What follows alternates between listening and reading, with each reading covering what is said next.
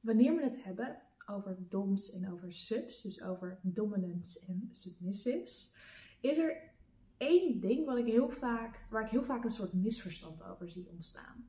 En dat is dat de dom altijd degene is die uitvoert en de sub altijd degene is die ontvangt. Maar dat hoeft helemaal niet zo te zijn.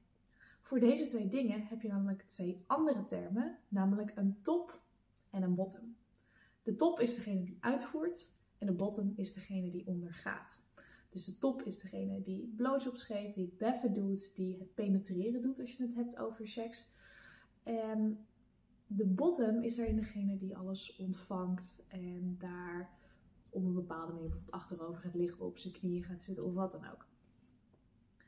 Dus wanneer je deze twee combineert, kun je dus een top dom hebben. Iemand die dus en de touwtjes in handen heeft en het uitvoeren doet.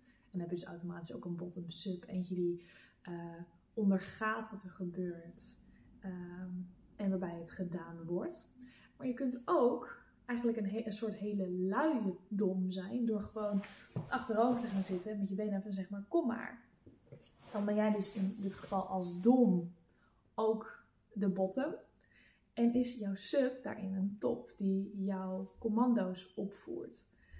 En dat is door op deze manier met een dom sub, met deze power dynamiek te gaan spelen, kun je heel veel leuke elementen in je spel toevoegen. Omdat het dus niet wil zeggen dat je als dominant ook altijd uh, bovenop moet zitten of altijd de regie in handen moet hebben of altijd het uitvoeren moet doen. Je kunt ook, wat ik ook zei, lekker achterover gaan leunen en gewoon genieten van wat je partner op jouw aanwijzingen bij jou doet. En het is wel grappig, ik vertelde het laatst in een masterclass en iemand die zei daarin ook van ik ben dus echt een hele luie dom, want ik wil wel bepalen wat er gebeurt, maar ik wil gewoon niks doen. En dat is echt heel lekker, want voor sommige mensen kan juist dat commanderen of ze dat nou ondergaan of zelf toepassen zo'n enorme turn-on zijn. Want het echt heel lekker is om daarmee te spelen. Dus Ehm, welke combinatie ben jij? Ik moet zelf zeggen, ik vind het. Ik ben zelf ook al een switch. En dat is een term waar ik het hier nog niet over gehad heb, maar even heel kort gezegd. Een switch is iemand die er zowel van geniet om de dominant te zijn, als degene die dus om de submissive te zijn. Uh, dus ik vind eigenlijk alle rollen prima. Ik vind het ook allemaal leuk. Uh, het ligt er maar net aan wat voor humeur ik ben. Wat voor moed ik ben en hoe ik me voel en alles. Maar het kan dus heel leuk zijn om voor jezelf te experimenteren van oké, welke van deze vier ben ik een top dom? Ben ik een top sub? Ben ik een bottom dom of ben ik een bottom sub?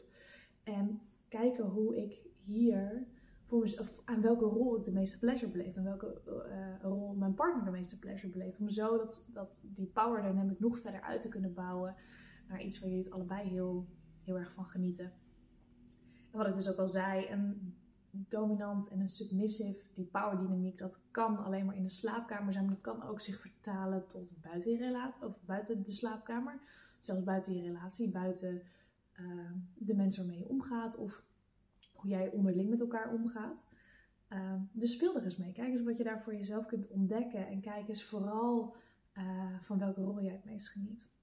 Dus ik hoop dat dit interessant voor je was. Laat me zeker even weten wat je ervan vond. Of wat dit misschien nog meer vragen bij je op heeft geroepen. Want ik kan zelf het allerbeste uh, werken op uitnodiging. Dus als je een vraag voor me hebt, dan kan ik die heerlijk op deze manier voor je beantwoorden. Natuurlijk volledig anoniem. Um, maar dan kunnen we er wel gewoon echt een hele mooie, fijne safe space van maken. Om dit soort kennis ook met je te delen op een hele laagdrempelige manier. Um, die gewoon lekker veilig met je eigen headsetje je eigen bubbeltje kan luisteren of kan kijken.